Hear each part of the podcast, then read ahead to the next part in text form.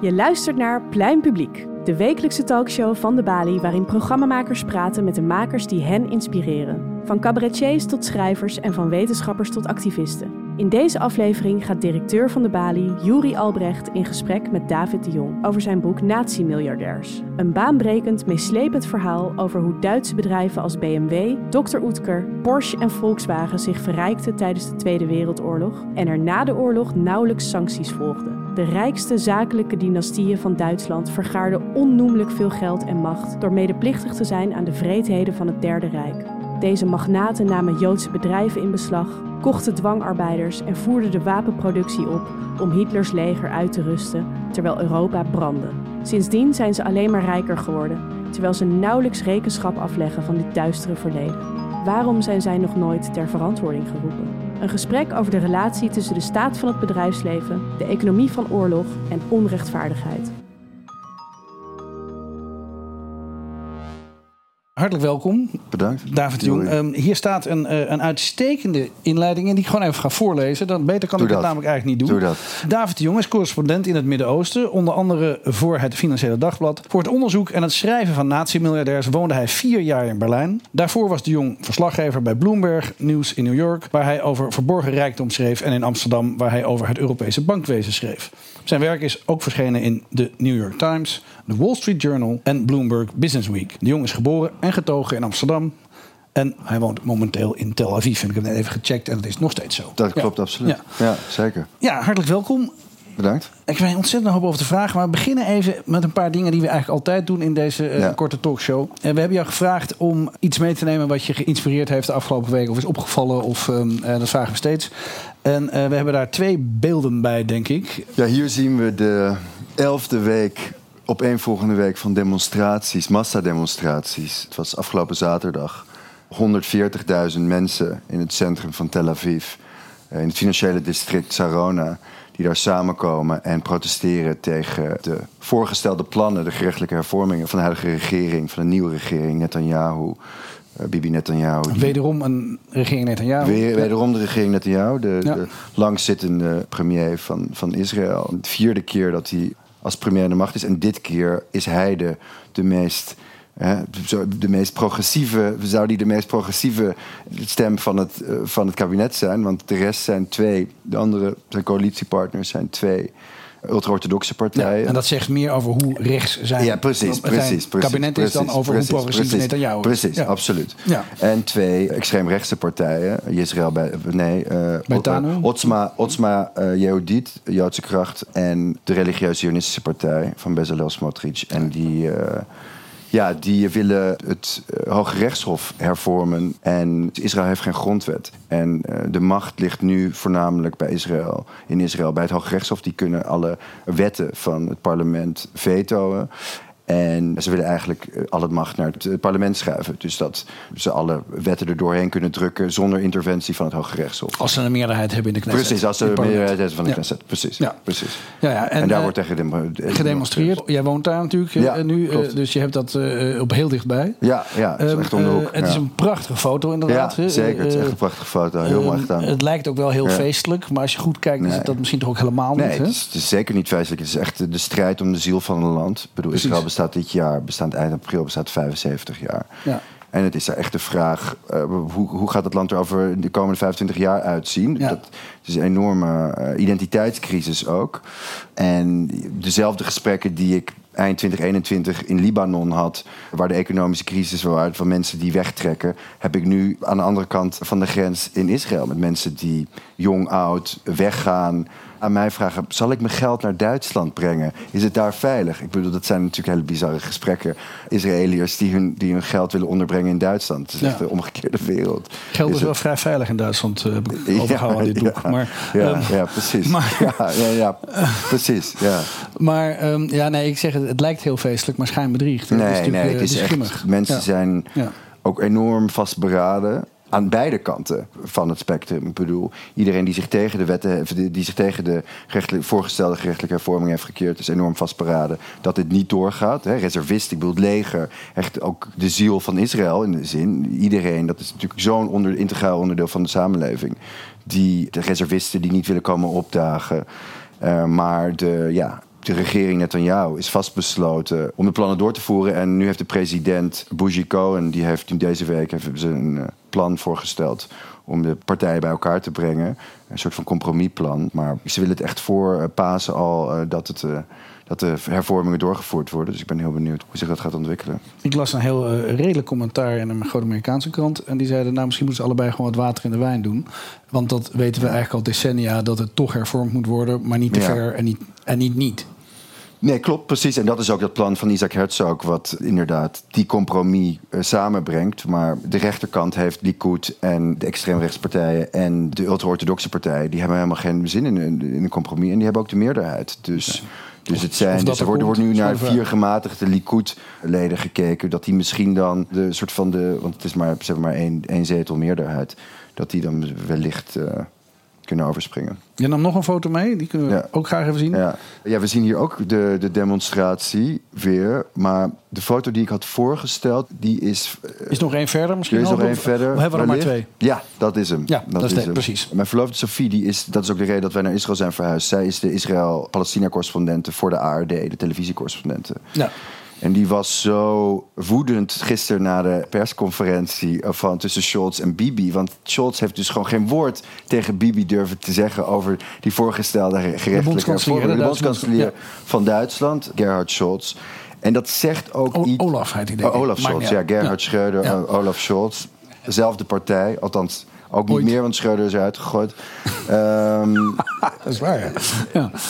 zij was echt woest, omdat het typeert ook heel erg de perverse verhouding die Duitsland natuurlijk met Israël heeft. Ja. Duitsland durft helemaal eh, geen kritiek te leveren. Ja, ja, dus jou, jou- jouw vriendin had gehoopt dat eh Scholz Nou ja, daar dat wel eens even wat over iets zou zeggen over die recht- Maar geen niks. woord, Nee. geen woord. En Duitsers worden weer- liever doodgevonden dan dat hij iets zegt tegen de leiding van de ja, ja, Joodse precies, precies. Ja, ja. eigenlijk wel. En dat is natuurlijk ook zeker voor haar verslaggever. Ik bedoel, die zit op zo'n dun koord. Want van beide kanten word je natuurlijk enorm. eh, Ja, het laatste wat je Scholz gaat doen is dat doen. Precies. Ja, Ja, dat is wel een opvallend punt natuurlijk. Duitsland is eigenlijk in de, in de politieke verhouding met Israël eigenlijk gewoon stil. Ja, het is, het is, Ja. het is nou, het- ze worden, je hebt dan wel die linken en je hebt de AFD die, die Israël kritiek kunnen kritiseren of durven te kritiseren. Maar dan heb je dus de, de beide de extremen te pakken aan de linkerflank en de rechterflank.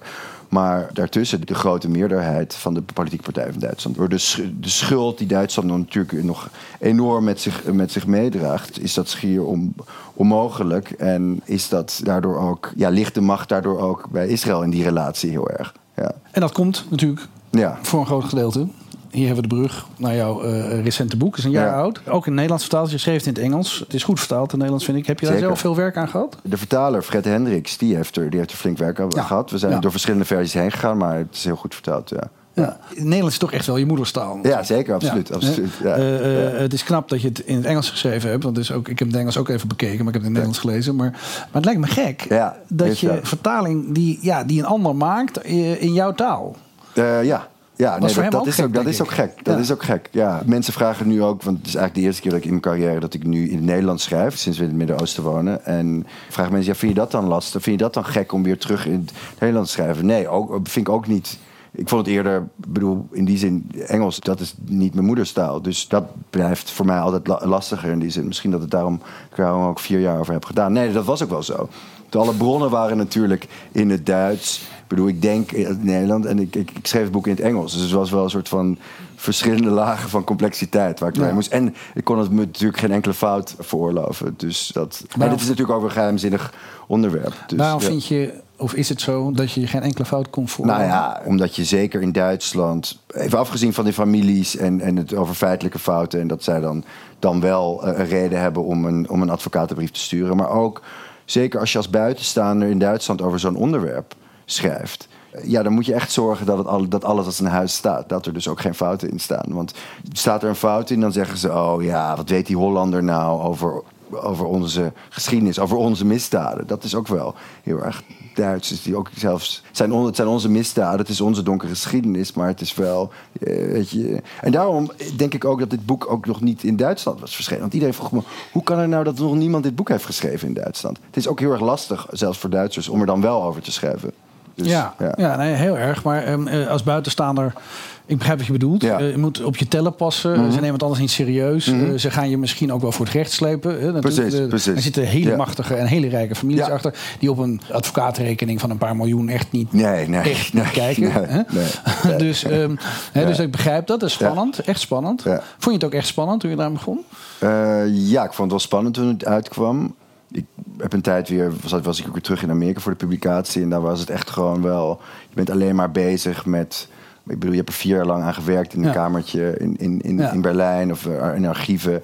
En plots moet je, ja, moet je het heel erg gaan pluggen en promoten ook. En dat is ook wel heel spannend. Ja, maar die ja, Dat, dat, dat begrijp ik. Ja, de- ook de normale creatieve spanning hè, die je natuurlijk hebt. En je, ja, het is ook echt je kind en zo. Hè, al, al die schrijversdingen. Maar ik bedoel ook meer echt juridische kant, zeg maar. Ik vind het ook echt wel moedig. Dus ik kan me voorstellen dat het ook gewoon eng was, Ja, zeg maar. ja dat, dat had ik niet zozeer eh, voor publicatie, maar dat had ik meer tijdens in eh, zomer 2021, tijdens de hele fact-checking fase. Die trouwens, eh, Pauline Peek, die er vanavond ook al is als het goed is, die me heeft geassisteerd met het onderzoek, die hielp me met eh, fact-checking. En toen waren ook alle families alle vragen aan het stellen en dat was allemaal in Berlijn. En dat was wel spannend, tegelijkertijd fact-checking. En er werd, het werd geredigeerd, het manuscript, regel voor regel. En ik was die families allemaal vragen aan het stellen. En dat was wel de spannende periode. Dat was juni tot en met augustus 2021. Maar, maar je was wel zo zeker van je zaak uiteindelijk Ja. dat die spanning weg Ja. was? Nou ja, ik was wel zeker van mijn zaak, maar ik was wel bang soms omdat ik bijvoorbeeld feiten die nog niet bij het publiek bekend waren, dat zij die dan gingen veranderen, bijvoorbeeld online bepaalde kritiek. En dat gebeurde ook. Dat gebeurde ook. Op de websites van Op bedrijven. de websites van bedrijven, waar je zegt van waarom zijn jullie daar niet transparant over nadat jullie zo'n heel onderzoek hebben eh, gedaan of gefinancierd. Dan gingen ze dat naar ook, aan- zichzelf, gingen en ze die dat ook ook veranderen. onderzoeken. Precies, ja. precies. En dat waren ja. gedeeltelijk een beetje schijnonderzoeken naar hun... Nou, niet allemaal. Nou ja, voor de bühne soms wel. over het algemeen zijn die ja, historische onderzoeken door academici zijn heel goed. Maar eh, wat gebeurt er daarna met die boeken die van 1200 pagina's waar alle, waar alle misdaden in staan? Die zijn, worden alleen met academisch Duits uitgebracht. En ja, komen voor de rest niet bij een groter publiek terecht. Dus de families achter BMW of achter Porsche, die kunnen nog steeds hun patriarch of hun vaders en grootvaders vieren voor hun zakelijke successen.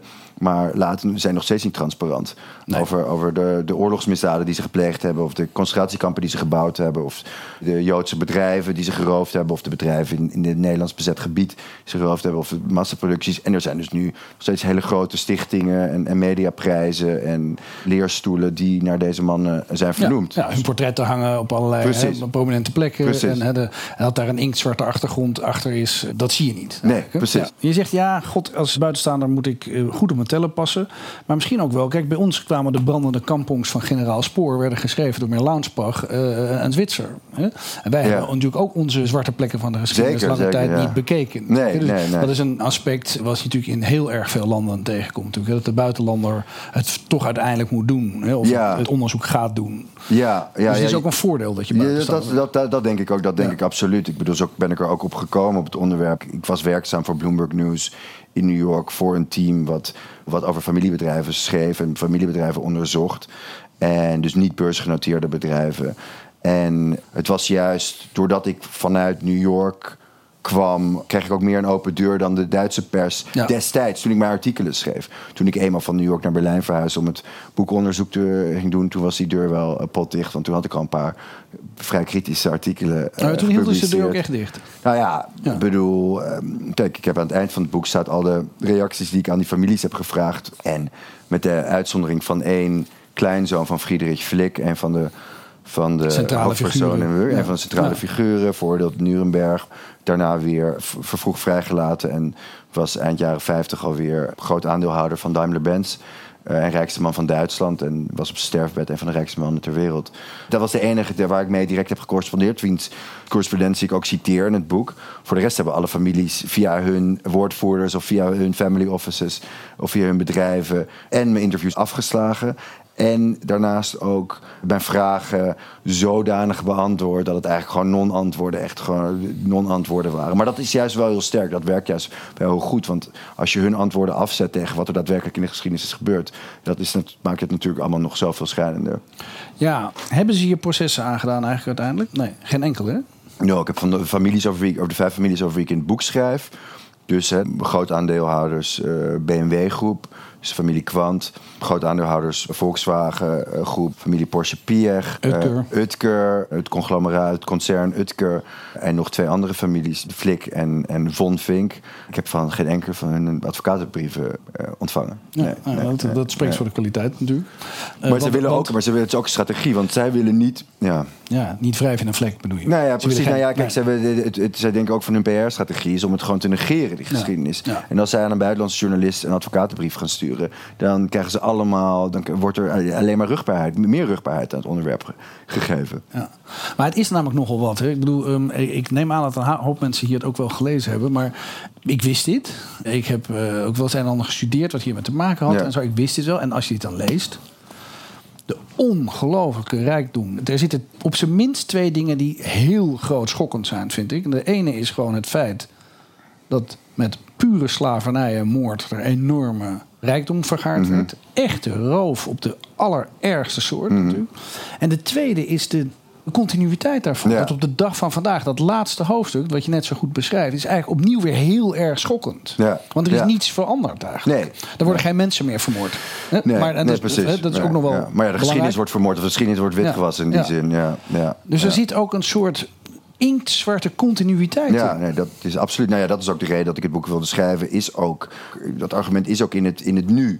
In mijn artikelen wat ik voor, die ik voor Bloomberg schreef. Wat ik me niet begreep is dat ze doen alsof ze hè, die eh, herinnering, die Duitse herinneringscultuur eerbieden. Hè, eh, Eerbiedigen, ja. eerbiedigen, Ja, in stand houden. Maar wat ze het eigenlijk doen, is gewoon keihard de geschiedenis verlogenen. En dat wilde ik aan het licht brengen. Van hoe, hoe ze erbij betrokken waren. Tot hoe de erfgenamen nu niet met die geschiedenis omgaan. Ja.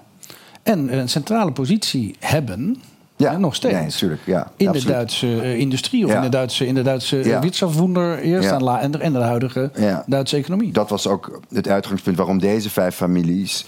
Is ook dat ze vandaag de dag nog relevant moesten zijn in de globale economie, als het ware. Niet alleen door de operationele bedrijven zoals BMW of Volkswagen of Utker of eh, Audi of eh, you name it. eh, maar ook door de miljarden die hun family offices investeren in eh, vastgoed, private equity, hedge funds, kunst. En dus niet zoals bijvoorbeeld de dynastie Kroep of Thyssen, die gewoon zijn uitgestorven Ja. of, of letterlijk op de Pampas in Argentinië wonen en, en geen rol van betekenis meer spelen in de globale economie. Nee, eh, wel nog een groot rijkdom hebben sommigen daarvan. Ja, dat wel, Oh, dus dat, dat was je criterium om niet. Dat was om, dat om was- dus nou ja, minder- dat- ja. Messerschmitt bijvoorbeeld had je ook kunnen nemen. Nee, maar die, heeft, maar die familie bestaat niet meer. Nee. Dus het gaat, me- ging me echt om de families die vandaag de dag nog bestaan. En die ook op de meeste aspecten hebben geprofiteerd van het Derde Rijk. Dus door massale wapenproductie, door roof van Joodse bedrijven en eigendommen. En door roof in Duitse bezette gebieden. En door de massale exploitatie van dwang- en slavenarbeid. Ja, ja IG Farben is natuurlijk een afschuwelijk hoofdstukje. Uh, Ja, ja, maar die, daar zat geen familie achter. Ik bedoel, de hele raad van bestuur is eh voor Nuremberg veroordeeld. Kroep hetzelfde met Alfred Kroep eh, en, en zijn managers. En Friedrich Flick ook. Maar dat was natuurlijk maar... Ja, dat waren drie van de duizenden of de honderden grootindustriële uh, Die groot aandeelhouders, eh, financiers die natuurlijk hadden geprofiteerd van de, van de misdaad van Derde Rijk. En ze mochten al hun eigendom houden, wat natuurlijk ook, althans in West-Duitsland, in bezet West-Duitsland, de geallieerden, vooral de Amerikanen, lieten ze allemaal hun eigendom houden. Ze werden niet onteigend. Want in Oost-Duitsland, ja, daar werden ze, eh, raakten ze al hun vermogen kwijt. Ja, als je dit boek leest, is dat dus gewoon rechtvaardiger eigenlijk. Zou je kunnen zeggen. Ja, maar het was wel, ja, het is rechtvaardiger. Maar dan had, is wel dus de vraag geweest van wat. Kijk, Europa heeft Duitsland nodig. Dat merk je nu meer dan ooit. Alleen Scholz, als het op Oekraïne aankomt of op Israël, geeft vaak niet thuis. Ja. Of pas na lange tijd. Of pas na lange tijd. Hè, dat de Amerikanen zeggen: Oké, wij geven de Abrams 2 ta- tanks. En dan eh, als jullie de Leopard 2 tanks krijgen. Dat is letterlijk wat er, wat er gebeurd is. Dus de Amerikanen destijds, de beleidskeuze die ze na de Tweede Wereldoorlog hebben gemaakt. Om West-Duitsland weer als vitale economie. eh, en, eh, of als sterke economie en vitale democratie herop te bouwen. Ja, daarvoor hadden ze de industriëlen nodig. En dat was een politieke keuze. Die, die ik dus kan begrijpen. Je beschrijft het allemaal. Hè? Eh, je bent een uitstekend verslaggever, historicus ook. Eh, en de combinatie daarvan. En je gaat als lezer je dus ook, ook afvragen: wat vind ik hier nou van? Hè? Maar wat, wat vind jij als mens? Is het gerechtvaardigd? Is het veel te ver gegaan? Nogmaals, ik begrijp de politieke keuze van de Amerikanen, van de geallieerden na de Tweede Wereldoorlog om met de opkomst van de Koude Oorlog en ja, de, de uitbreidende macht van de Sovjet-Unie om West-Duitsland weer herop te bouwen Op- als op een buffer, als een motor van Europa en, en ook als, als een sterke democratische staat. Waar het fout is gegaan, is door de denazificatieprocessen, waar miljoenen Duitsers doorheen moesten, om die terug te geven aan West-Duitse autoriteiten. En dat.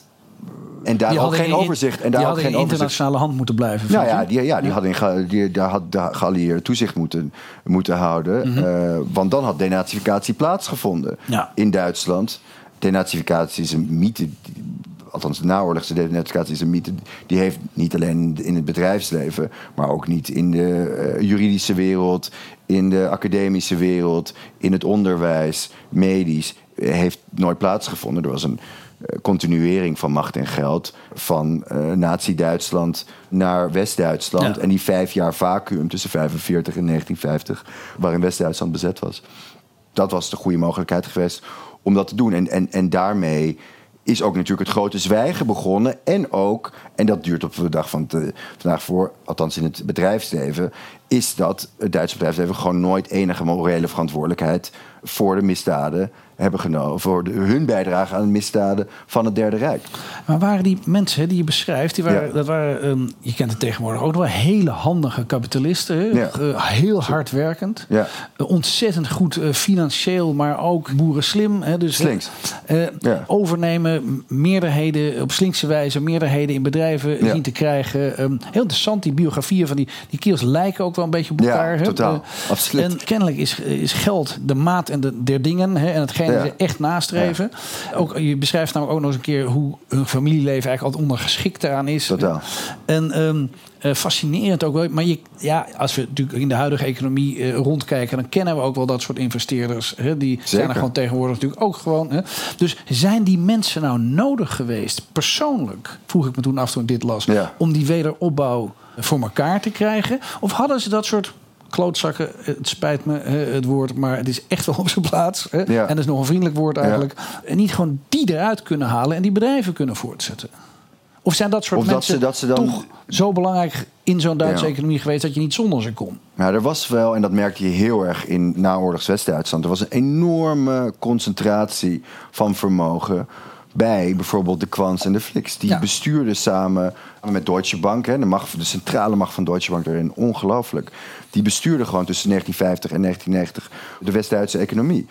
Alle Joodse industriëlen waren eruit. Hè? Ja, eigenlijk is dat een van de dingen die ik geleerd heb, is dat de, er waren niet zo heel veel Joodse industriëlen bijvoorbeeld. Ook niet voor 1933. Komen er wel in voor. Zeker, zeker, zeker. Ja. Maar vooral Bankiers Ja. je merkte bij Flik en Kwant en zeker hoe ze daarna met elkaar gingen samenwerken. Die, dat was enorm geconcentreerd. En het enige bedrijf wat opgebroken is, is IG Farben. En daar is BASF uitgekomen, BASF uitgekomen. Ja. Nog steeds een van de grootste chemieconcerns ter wereld. Bayer, nog steeds een van de grootste farmaceutische bedrijven ter wereld. En Hugst, dat was ook zo'n groot industrieel. Ja. Com- eh, Chemisch complex. concern, Precies. Dus dat was de enige waar de geallieerden zeiden... deze moet, decartelisering noemden ze dat... Deze, deze wordt opgebroken. Voor de rest bleven alle concernen, nogmaals, in West-Duitsland... bleven gewoon allemaal intact. Dus om antwoord op je vraag te geven... ja, ze hadden die mannen wel nodig. Want ja, de West-Duitse economie was toen al heel erg ge- geconcentreerd. En die bleef, zeker ook in de decennia daarna... waar een enorme groei was natuurlijk met, in West-Duitsland... met het Wirtschaftswunder. En ja, een van de... eh, een van de toen het snel weer terugkwam als een van de grootste economieën ter wereld... werd dat alleen maar geconcentreerder. En werd, echt de macht in ja, een paar tientallen families eigenlijk. eh, of individuen zelfs. Ehm, ja, met een centrale rol van Deutsche Bank. Ja, ja. Ja, heel geconcentreerd. Hè? Ja, Ja. En, en, en doodeng daar weer maar eigenlijk. Ja, ja en daar, daar krijg je toen helemaal geen haan Nee. eh, naar. En daar is het grote zwijgen toen ook natuurlijk over die misdaden eh, begonnen eigenlijk. Het ging Duitsland weer voor de wind. Van de Amerikanen kwam het ook goed uit. Eh, hè, om een sterke bondgenoot te hebben. Dat heeft Konrad Adenauer, de toenmalige kanselier, heeft dat enorm handig ook Duitsland weer in NATO, eh, in NAVO gekregen. En eh, ook de Bundeswehr die weer in 1955, uh, West-Duitsland kreeg weer een leger. Ja, en, veel oud-generaals. Pre- precies, uit de- precies. ja, nou ja, uit- uit de precies. Weermacht. ja, ja, dat ook precies. Daar was ook die continuering natuurlijk. Ja. Wat vond je nou zelf het meest schokkende of onthullende wat je hierin tegenkwam? Of was het eigenlijk zo dat je van tevoren eigenlijk wel wist want het, dat het zo relevant is voor nu? En nou dat ja, het- dat, dat hoopte ik. Ik, bedoel, Ja. ik wist niet wat eruit zou komen. Maar ik, ik, ik denk dat ik er vrij naïef ben ingegaan. Ik denk dat ik het wel, wel... Er zijn twee dingen die me het meest gechoqueerd hebben. Is de, hoe diep hun collaboratie ging. Hè? En, en, en, ja, dat, op, op elke front waar eh, eh, de families of de bedrijven ehm, konden verdienen, konden profiteren van ehm, het leed van anderen, eh, dan wel door roof, dan wel door dwang- en slavenarbeid, eh, dan wel door massale wapenproductie. Daar werd, daar werd geen seconde over, daar werd geen seconde over getwijfeld. Het was meer ook iedereen, of de, ja, ze, ze vochten elkaar de tent uit wie, het beste, wie, wie de beste deal kon krijgen, als het ware. Omdat Ja, er was wie enorme concurrentie ook. concentra- het wie de meeste concentratiekampen Ja, ja, gevangenen Nou ja, dat kon- ook. Ja, precies. kon dat ook. Door, ja. door deals met de SS. Maar ook eh, hoe, hoe goedkoop ze een, een, een, een, een, een geroofd bedrijf konden overnemen. En er werd ook enorm Friedrich Flick, die oude meesters, aan eh, Geuring schenkt. eh, om in zijn eh, goede boekje te komen. En eh, ja, eh, August van Vink, die ook als verjaardagsgeschenk tienduizenden Reichsmark overmaakt. En ze wilden allemaal. Het, was, het was gewoon een soort van die, die diepe, daadwerkelijk financiële corruptie, maar ook gewoon de totale eh, morele corruptie. Ik denk dat me dat echt heeft gechoqueerd. En, en dat is heel dicht eraan gelieerd, is het totale gebrek aan reflectie, zowel aan eh, zeg maar de patriarchen toen, als, ja. hun, als hun erfgenamen. Hun klein- en achterkleinkinderen. Precies, Ja. precies. Ja, nou ja, hun, hun, hun kinderen en kleinkinderen. Zo, ze- eh, zo dichtbij zijn we nog. Dus eh, dat, dat totaal, totaal niet... totaal, ja, totale gebrek aan reflectie over... eh, ehm, de misdaden die, die zij dan ze- die, die dus de patriarchen zelf hebben gepleegd, of hun vaders en grootvaders, en dus de erfgenamen over hoe zij dus moeten omgaan met, eh, met eh, ja, hoe zij zich posi- positioneren tegenover, of hoe zij hun vaders en grootvaders voorstellen in de geschiedenis vandaag de dag. Dus waar dus, dus alleen maar het, het, het, het zakelijke wordt, eh, hun zakelijke successen worden gevierd. Ja. Ja, en niet te wijzen op. En niet te, eh, inderdaad, mo- ja, totale totaal corruptie. niet transparant over hun oorlogsmisdaden. Ja, ik vond, ik vond ook heel onthullend. Ik vond eh, zeg maar de, dat uitbuiten en, die, en de gruwel was me wel bekend. Maar wat ik heel erg schokkend vond eigenlijk... is de bijeenkomst die Geuring bijeenroept... met het, 30, het setje van 30 ongeveer. Ja. Hè, die vlak voor de laatste Duitse verkiezing in 33... Hè, waar Hitler anderhalf uur komt opdagen.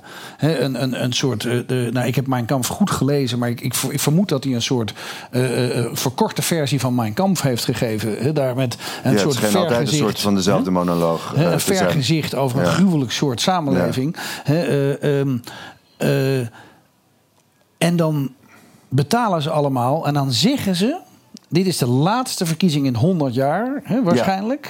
Ja. Dus wij worden ik word dictator en dat wordt nog bevestigd door Geuring toen- als hij weg is en zo. En betalen. Absoluut. Jullie gaan die betalen. Ja. En ze doen het. Doen het, precies. Dat is Ze het. Doen absoluut. het. Ze het hebben wordt geen- ze gezegd. absoluut. Hè, het, ze zitten bij elkaar. Ze moeten echt veel geld ophoesten. En ze doen het. Ja, er is geen, dat is ook wat, wat mij in de, in de proloog van geweldig beschrijft. hoofdstuk. Die, eh, die, eh, dit- dat, ook, ze hebben geen enkel. Dat, ze schrijven zo met hun check zo het einde van de Duitse eh, de Ja. democratie schrijven ze zo over. Ja. Zonder, echt zonder enig probleem, Ja. problemen. En als het niet deze 24 mannen waren geweest, dan stonden er zo 24 anderen die gewoon in de rij stonden om hun, Ja. om zijn plek En wat je ook goed beschrijft, ik bedoel, ze hadden allerlei te klagen over de Republiek van Weimar. Hè? Maar eigenlijk waren ze in die Republiek van Weimar hartstikke rijk geworden. absoluut. Dus ze hadden, enorm. ze hadden niet Enorm. eens iets te klagen. Enorm, enorm, enorm. Nee. dat is ook, dat is ook, nee, dat is Maar ook daar staat je verstand bij stil. Ja, nee, ja, maar dat is, dat is dat, dat, dat, dat gewetenloze opportunisme waarin natuurlijk, eh, waarin ja, hun geest als een soort van machines werkt, waarin alles erom draait. eh, om het, het vermeerderen van vermogen en het vermeerderen van hun eh, zakelijke imperia. Daar, daar, daar, daar valt, valt of staat alles bij. Ja. Dus, dus ze waren ook helemaal geen... Ik bedoel, de meeste van deze mannen waren ook helemaal geen nazi Nee, ze werden wel lid van de Het was SS ook, gewoon- weet ik wel, Precies, maar- ja, ja oké, maar dat, alles was uit... Er komen een paar dialogen eh, in het boek voor, maar dat zijn de, dat zijn echt de grote, dat zijn de grote uitzonderingen. Ja. Het was echt, het was, het was, het Ja. was het, ja, het, het. Ze hadden gedeeltelijk ook eh, eh, Joodse familie en zo. Het waren in die zin geen ideologische naties. Hè? Nee, nee, ja, nee voor het groot deel niet. Ik bedoel, er zijn een paar uitzonderingen. Ja. Ferry Porsche. De, de, de, degene die zich vrijwillig bij de SS aanmeldde, die echt de Waffen-SS ingingen. Ferry Porsche, die Porsche na de oorlog groot heeft gemaakt. Eh, August van Fink. ehm, Rudolf August Utker. Ehm, ja, Ja. Dat, dat, waren wel echt Ja. dat waren wel echt ideologen. Ja, je mag- niet, mag- zij hoefde niet bij de, je hoeft niet bij de Waffen-SS te gaan. Weet je, dat, dat, dat, dat, dat, dat deden ze echt. eh, Dat ze echt En mevrouw Goebbels natuurlijk. En natuurlijk, eh, en de vrouw Magda Goebbels, ex-vrouw van Günter Kwant, die, eh, ja... ehm, maar ja, die dus ook in haar eerste... Wiens, wiens, wiens middelbare schoolvriendje, Chaim Arlozerov... Natuurlijk, ik woon op, ik woon, eh, op Ben Gurion... en de grote straat daar, daar, die daar parallel loopt... is Arlozerov eh, straat. En dat is, ja, dat was de grote zionistische voorvechter, werd dat later. En om, onder mysterieuze omstandigheden geëxecuteerd of, of ja, eh, doodgeschoten op het strand van, eh, van Tel Aviv in 1933. Maar dat was het middelbare schoolvriendje van Magda Goebbels. eh, Van de latere Magda Goebbels, maar die tussendoor ook nog Met. Magda Kwant Ja. werd. En, en ja, eigenlijk de, de tak van de, van de, van de Kwant-dynastie, die ook vandaag de dag nog Bestaat. ja, miljarden investeert. Ja. Ja. Ja, ja. De arme tak van de, van de Kwant-dynastie. Ja, en arm is dan echt heel erg tussen aanhalingstekens. Precies, precies. Ja, ja, ja. ja. want de Ja. andere is zo onmetelijk rijk dat, dat Ja. het daarbij verbleek. Ja. Ja. dat zijn hele rare dingen in de geschiedenis Ja, natuurlijk. Als je daarover bizar. ja. En zo staan er eh, eh, wel meer in. Die Magda is natuurlijk ja, eh, intrigerende, eh, afstotelijke. Ja, eh, intrigerend en afstotelijk. ja, absoluut. een figuur. Ja, ja. Ja, ja ik, het, is wel, het blijft wel een fascinerende vrouw. Ja, ja, ja, ja, ja, ja, want hoe kan je nou met een, en een man eh, als middelbare schoolvriendje... die later een beroemde, wereldberoemde zionist wordt... eh, dan met de man die, die, die Duitsland vandaag de dag... eh, ja, eh, meest invloedrijke industriële Industrieel, dynastie heeft ja. gesticht. Ja. En Jozef Goebbels, toch een van de meest van de- infameuze... van de eh, smeden figuren. van het Derde Rijk. Precies, Ja, precies. Dat is toch... Ja, dat, Ja, ja, ja. ja. nee, dat is. Dat is eh, ehm, ehm, eh, eh, maar het, het boek is ook ehm, op een bepaalde manier, vind ik, een enorme harde kritiek op het kapitalisme. Eh, ja, ja, ja, ergens, ja, ergens wel. Ja, niet, niet, niet, zo, niet, niet expliciet bedoeld. Nee, Maar, nee, oké, maar, ja. maar eh, ik bedoel, een financiële, financiële journalist die expliciet het kapitalisme gaat, dat, is, dat schuurt wel. En denk daarom ik, vraag ik je er onder Ja. andere ook naar. Ja, dat, ja, dat ja, is nee, maar het, is, kijk, nou ja. het, het, het laat heel erg de amoraliteit van het kapitalisme zien. Mhm. Kijk, eh, het produceren van, van, van wapens, hè, wat, wat, vanaf 1934 begon door de Duitse industriëlen, hè, of, of Hitler die eh, het grootste herbewapeningsprogramma eh, ter wereld eh, initieerde destijds. En de miljarden rijksmarks die dan eh, ehm, na de Grote Depressie weer naar de industriële vloeien. Dat is natuurlijk niet. Kijk, wapenproductie in essentie is niet, is, is niet crimineel. Maar je ziet hoe, dat, hoe het kapitalisme als het ware, of, of ja, hoe, dat, hoe, het, hoe de keuzes van de mannen eh, ja, steeds meer naar het afglijdt naar het criminele. Het begint met wapenproductie, dan gaat het al snel naar onteigening. Eh, dat heeft dan eerst nog een soort van een, la, eh, een juridisch laagje. eh, rond van de 1934, 35, 36. Dat houdt dan snel gaat- dat, op. wordt dan, dat houdt snel op. Dan wordt het echt roof. Dat zet zich door in de, in de Duitse bezette gebieden. En dan al met als dieptepunt de 12 tot 20 miljoen eh, Europeanen die naar Duitse fabrieken en mijnen eh, werden gedeporteerd eh, om, om, om te werk gesteld. Of als slaven gebruikt. Slavernij, door- ja. Precies. Dus, dus dat, ja, nee, abs- dus, dus, dus, dus, ja, absoluut. Dat is, dat is, dat, dat is de, de, het, het zwartste, het, de, de zwartste kant van het kapitalisme. Ja, maar ze zijn er ook oorzaak van, hè? Dus ze zijn Absoluut. natuurlijk, Hitler wilde die eh, herbewapening. Ja. Maar ze zijn ook echt oorzaak, want ze hebben hem gefinancierd. Ze hebben, hem, hè, ze hebben die democratie hup te graven gedragen Ja. toen het kon. Ja. Hè, dus, ze zijn niet, dus ze zijn niet alleen maar. Hè, dus als je eh, het vertaalt naar wat, wat je. eh, en jij hebt er ook veel onderzoek over gedaan en geschreven als journalist. Hè, nou, dus als je het vertaalt naar de, de oligarchisering, zou ik maar Ja. even zeggen, die er op dit moment wereldwijd Absoluut. plaatsvindt. Hè. En ja, de Russen, dat weten Ja. we. Maar we Ja. hebben ook de sultan van Brunei. En we hebben ook. Hè, we hebben ook eh, Saudi- we hadden het eh, net over de Saudis. Ik bedoel, de- ik schrijf nu veel over, over de Saudis en over de Qatarezen. Ik was tien dagen in Qatar voor het WK. Ik bedoel, dat is ook. Ja, in ook Amerika iets- hebben we ze ook. Precies, hè, en de ene heet George Soros en de andere heet Warren Buffett. Maar je, hebt, hè, je hebt allemaal hele rijke oligarchen overal. Sommigen met meer geweten dan anderen.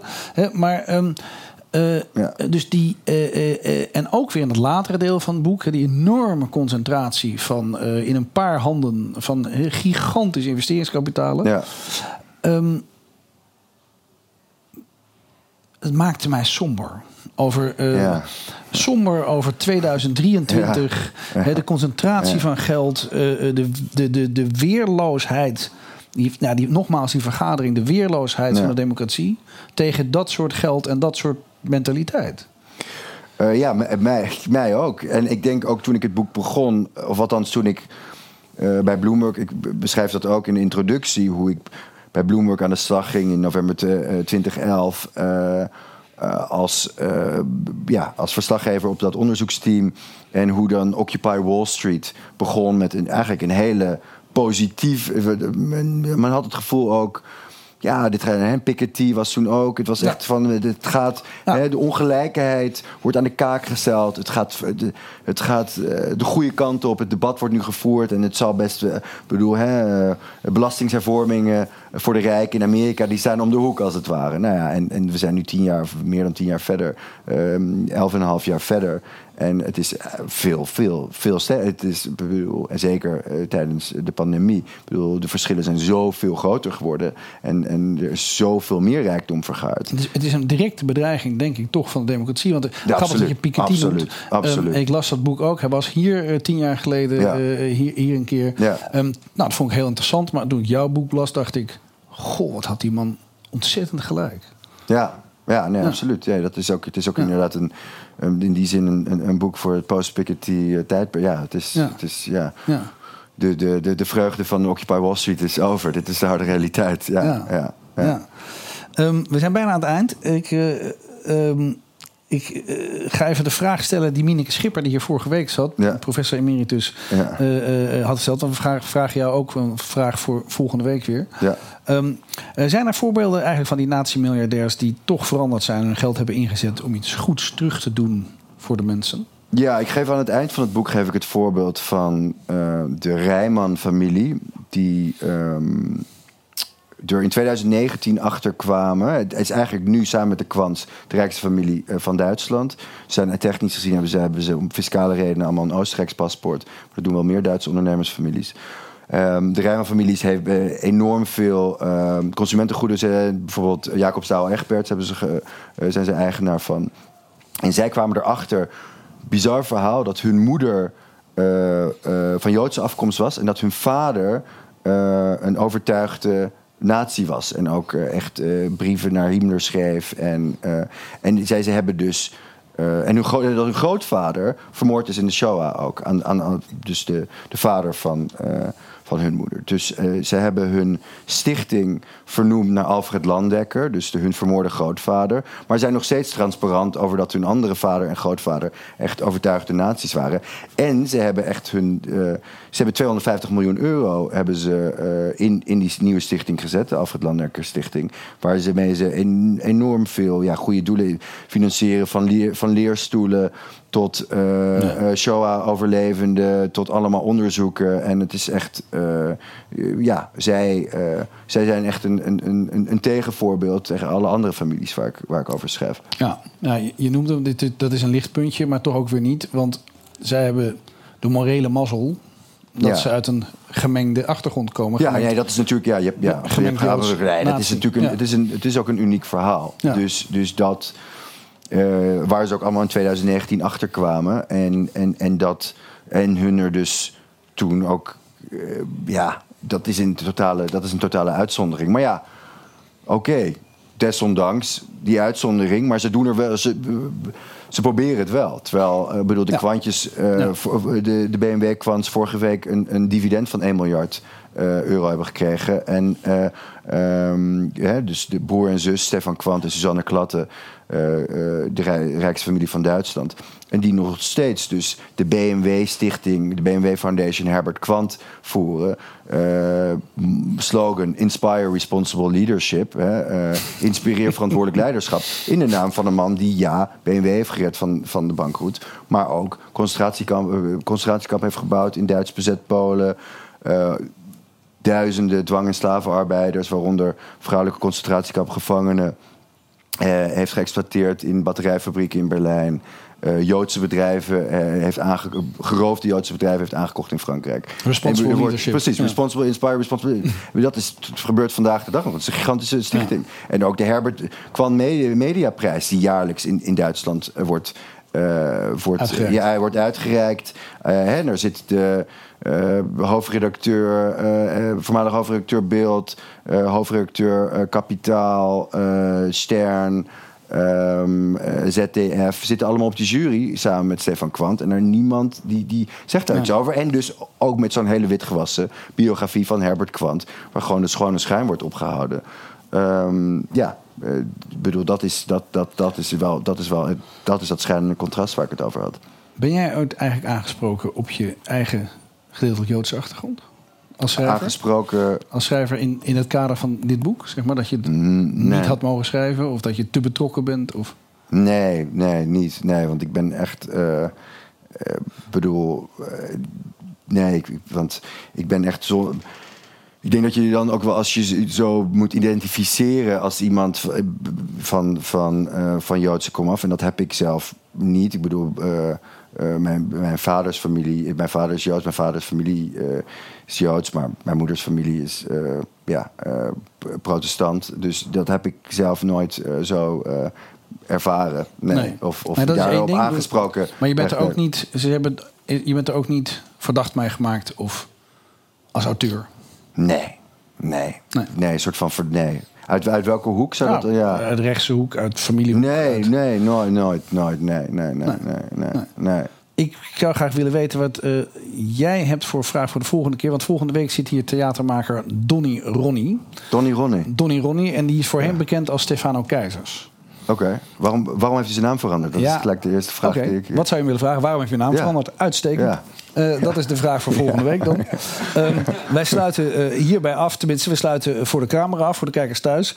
Ehm, volgende week dus Merlijn Geurs, redacteur van de Bali... hier met Donny Ronnie, Stefano Keizers. Ehm, heel hartelijk dank voor dit gesprek. Fantastisch boek. Eh, eh, eh, niet anders dan te prijzen. Ik echt in één adem uitgelezen. Terwijl het een... Ja, ook... Je, je, ook gewoon eigenlijk zou je, denk, zou je denken een ongelooflijk saai onderwerp is over bedrijfsmensen en zo. Ja, het, het is niet, ik heb Ja. geen economie gestudeerd, het is niet mijn hè, eerste interesse, Ik- maar echt een niet. fantastisch boek. Gefeliciteerd ermee. Ja, nu, al een jaar steeds meer in de belangstelling ook. Het is een jaar geleden uitgekomen en Ja. terecht steeds meer in de belangstelling. We sluiten hierbij af. Dank je. Dit was Plein Publiek met David de Jong. Over twee weken kun je weer luisteren naar Plein Publiek, waarin dan cabaretier Donny Ronnie, voorheen bekend als Stefano Keizers, te gast is. Wil je nou zelf een keer naar Plein Publiek? Volg ons dan op de socials en hou onze website in de gaten voor nieuwe gasten.